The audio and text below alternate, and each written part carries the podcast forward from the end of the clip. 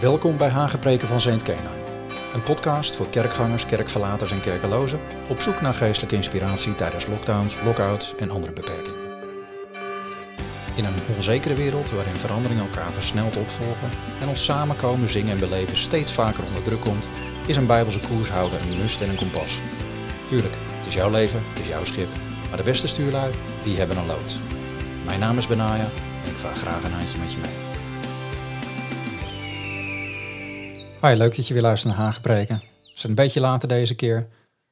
Maar uh, we hadden even wat, uh, wat dingen tussendoor dit weekend, dus het duurde even iets langer. Mijn excuus daarvoor. Het is kennelijk een onderwerp wat uh, doel treft aan het aantal downloads te zien. Dat neemt enorm toe op dit moment. Eigenlijk wou ik het dit keer hebben over de stem van God die je in je innerlijke mens kan horen. Er is namelijk een hardop spreken van God op een manier die hoorbaar is voor iedereen. En dit zien we een aantal keer in de Bijbel. Maar er is ook een persoonlijk spreken, een zogenaamde stille stem die alleen hoorbaar is voor jezelf, maar dan wel zo duidelijk dat het net is alsof iedereen het kan horen.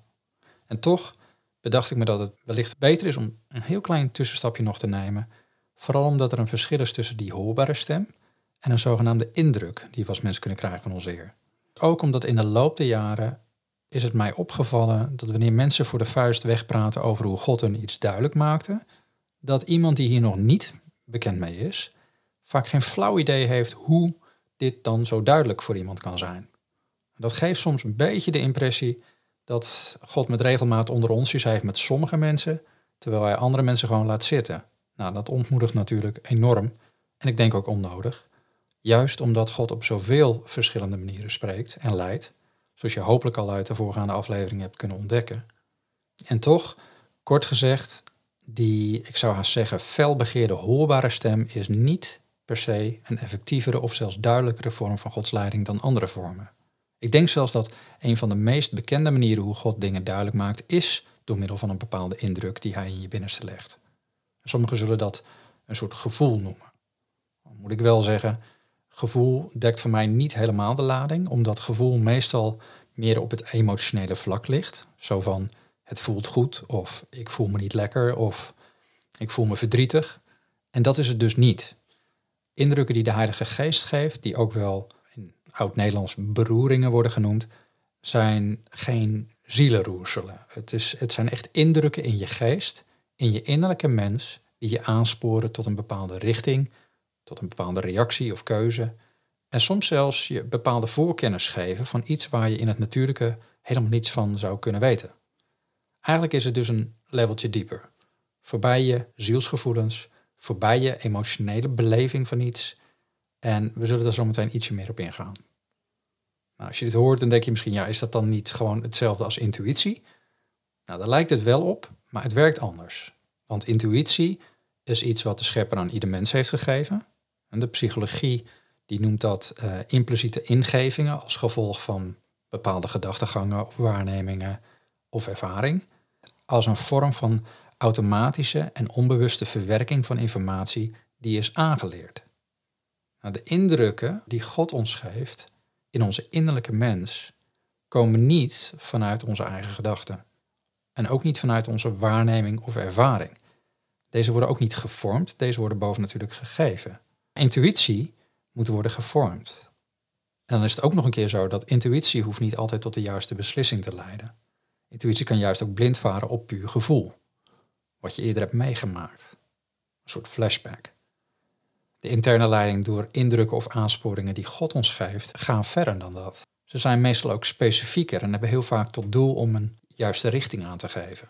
En dit gebeurt ook vaker dan je denkt. En zeker als het gaat om bijvoorbeeld onveilige situaties. Zo'n indruk in je geest is een soort van weten. Een diep van binnen een zeker weten. Het is net alsof de Heer dan iets heel sterk in je innerlijke mens verankert. Dan weet je ineens iets zo zeker, zonder dat je het eigenlijk kan weten. En als mensen er dan naar vragen, dan kan je het meestal niet eens rationeel onderbouwen. Je weet het gewoon.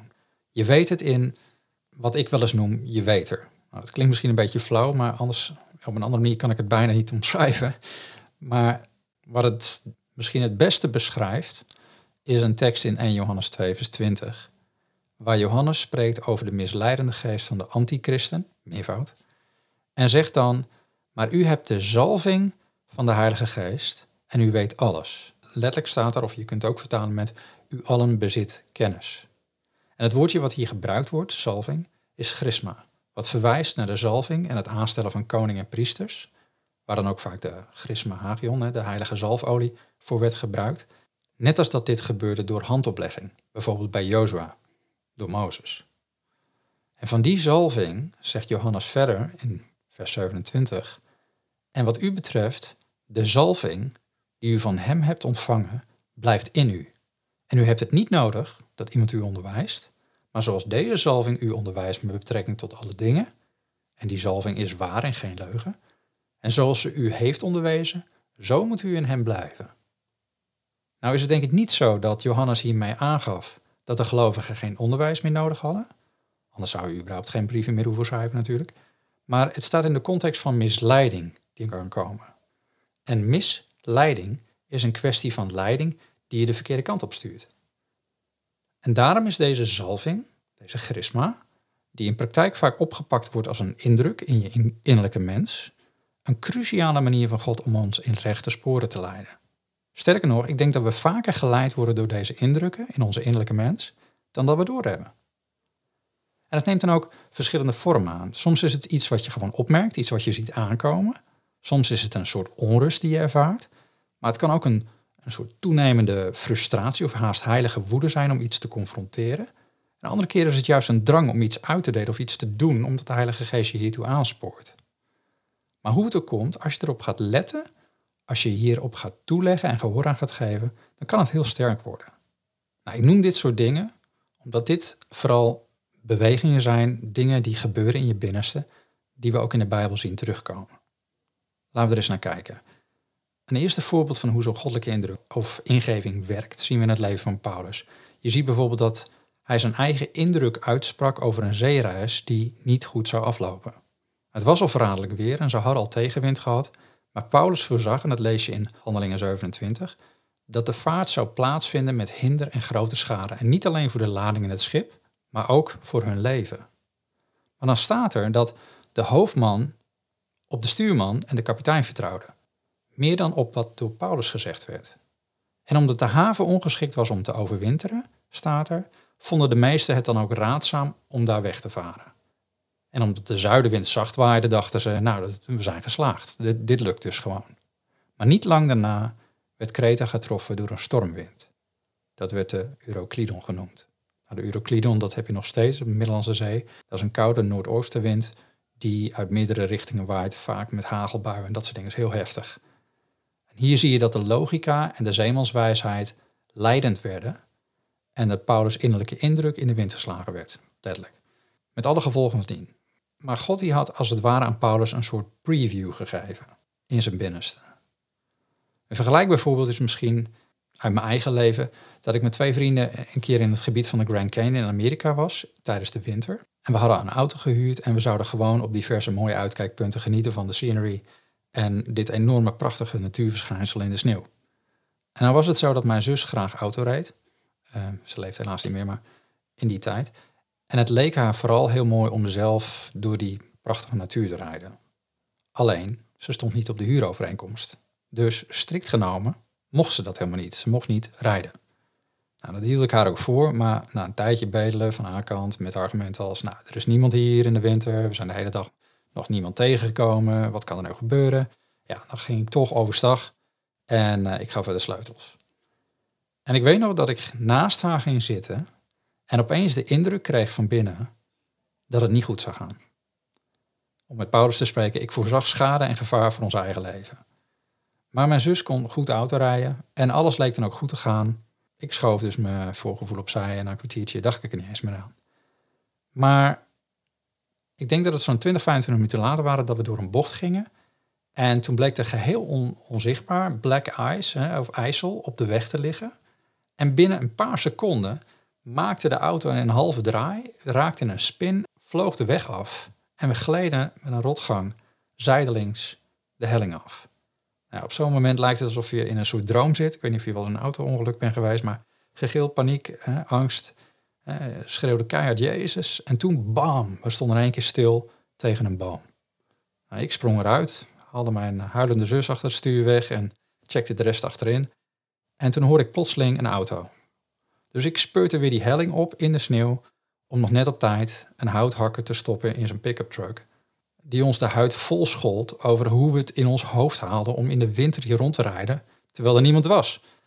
En uh, het was dan ook deze, ik noem hem wel eens de vloekende engel, die ons terugsleepte naar St. George en, en, en, zo liep het toch nog goed af.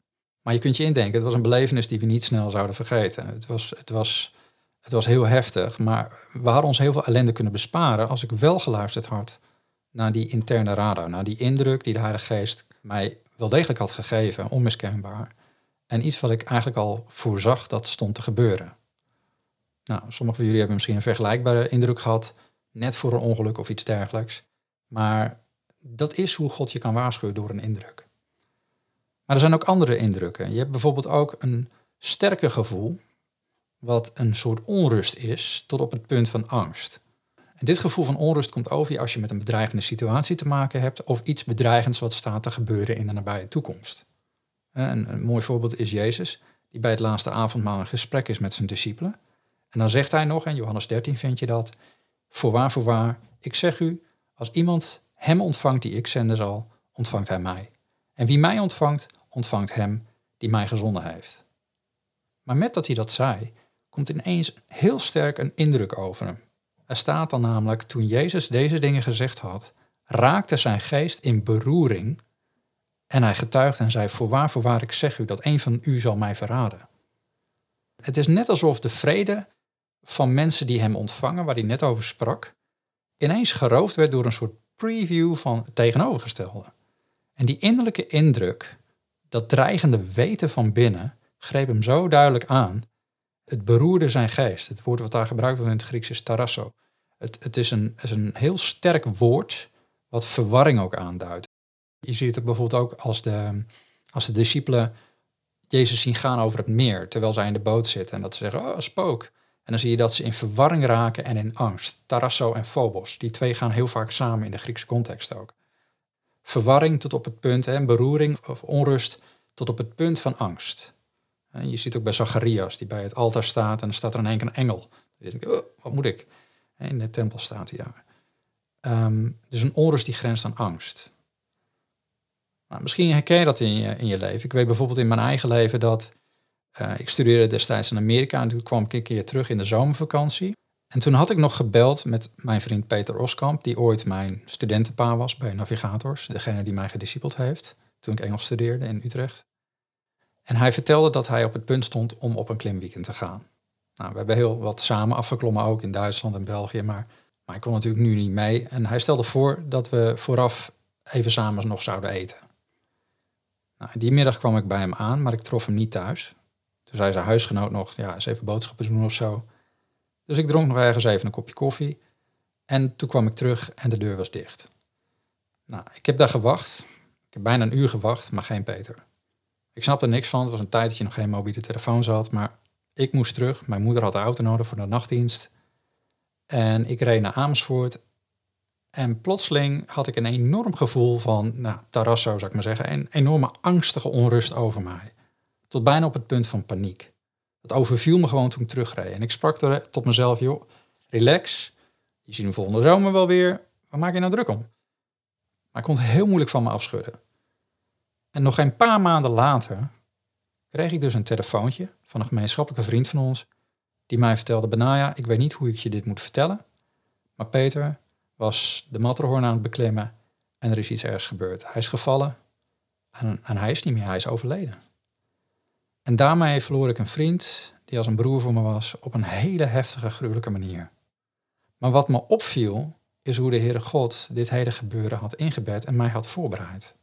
Niet alleen door deze sterke voorgevoelens, uh, gevoel van dreiging, maar ook door dromen en nog meer. Daar zal ik later nog wel uh, wat meer over vertellen. Maar één ding is zeker, op verschillende punten van mijn leven werd ik overvallen door deze sterke indruk. Bijna alsof de Heilige Geest intern je voorbereidt op iets wat er staat te komen. Het hoeft niet altijd vertaald te zijn. Het kan ook gegeven worden om iets te voorkomen. Maar het kan ook anders lopen. En ook dat is leiding. Of, of de begeleiding van God. Soms is het een soort preview. Soms is het een gevoel van angst, onrust of bedreiging. Maar er zijn ook, ook nog andere indrukken. Ik pak er nog even een. De Bijbel laat ons ook nog zien dat er een interne indruk ontstaat die tot actie aanzet. En daarbij gaat het om een gevoel van toenemende aanscherpende, ehm, ja, ik zou bijna zeggen ontsteltenis of een haast heilige irritatie of verontwaardiging. En dat zien we bijvoorbeeld toen Paulus in Athene op Silas en Timotheus wachtte. We lezen dan in Handelingen 17 dat terwijl Paulus in Athene op hen wachtte, raakte zijn geest in hem geprikkeld, want hij zag dat de stad vol afgodsbeelden stond. Letterlijk staat er bij het zien dat deze stad was overgegeven aan afgoden. Ja, dit deed iets in Paulus, dit zette hem aan tot actie. Het leidde uiteindelijk tot de bekende preek op de heuvel van de oorlogsgod Mars, waar Paulus de Atheners aansprak op het feit dat zij een standbeeld hadden voor de onbekende God, omdat ze zo bijgelovig waren dat ze bang waren dat ze een God voor het hoofd zouden stoten waarschijnlijk. Maar toen begon hij Christus te prediken. De rest was een inkoppertje, zou ik maar zeggen. Toch was het belangrijkste wat eraan vooraf ging, een geprikkelde geest. Het woord wat daar gebruikt wordt is paroxynomai, van para en oxuno. Para is tegen en oxuno is aanscherpen of oproepen of irriteren.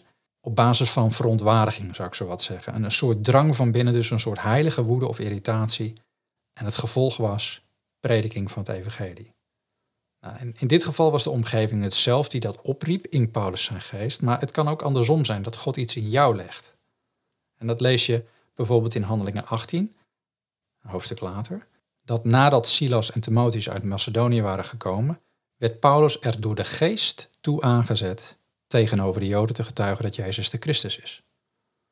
Nou, de term die daar gebruikt, mag je vergeten, sunego, is een term die ook voorkomt in 2 Korinthe 5 vers 14 bijvoorbeeld, als Paulus zegt, de liefde van Christus dringt ons. Het is dus een aandrang, een bepaalde indruk in je geest die een enorme aandrang geeft om iets te doen. En dan zo sterk dat je voorbij de grens gaat die je normaal niet over zou gaan, of die moeilijk is over te gaan. Maar Paulus wist namelijk hoe anti de Joden waren in Macedonië. De oppositie was zo heftig zelfs dat dit ook het punt werd waarop Paulus besloot om zich enkel nog te richten tot de heidenen. Nou, misschien heb je zelf al zo'n sterke indruk gehad van binnen. Dat je bijvoorbeeld het gevoel had dat je iemand over de Heer Jezus moest vertellen. En dat het willen negeren van die indruk het alleen nog maar sterker maakt. Ik heb het één keer, dat is een voorbeeld, misschien niet alledaags, maar ik noem hem toch even. Jaren terug heb ik daar een hele bijzondere ervaring mee gehad. Ik woonde destijds in Nepal en besloot met twee vrienden in een toen nog redelijk onbereikt gebied tussen Nepal en Bhutan in te trekken. Dat is de noordoostelijke provincie van India genaamd Sikkim.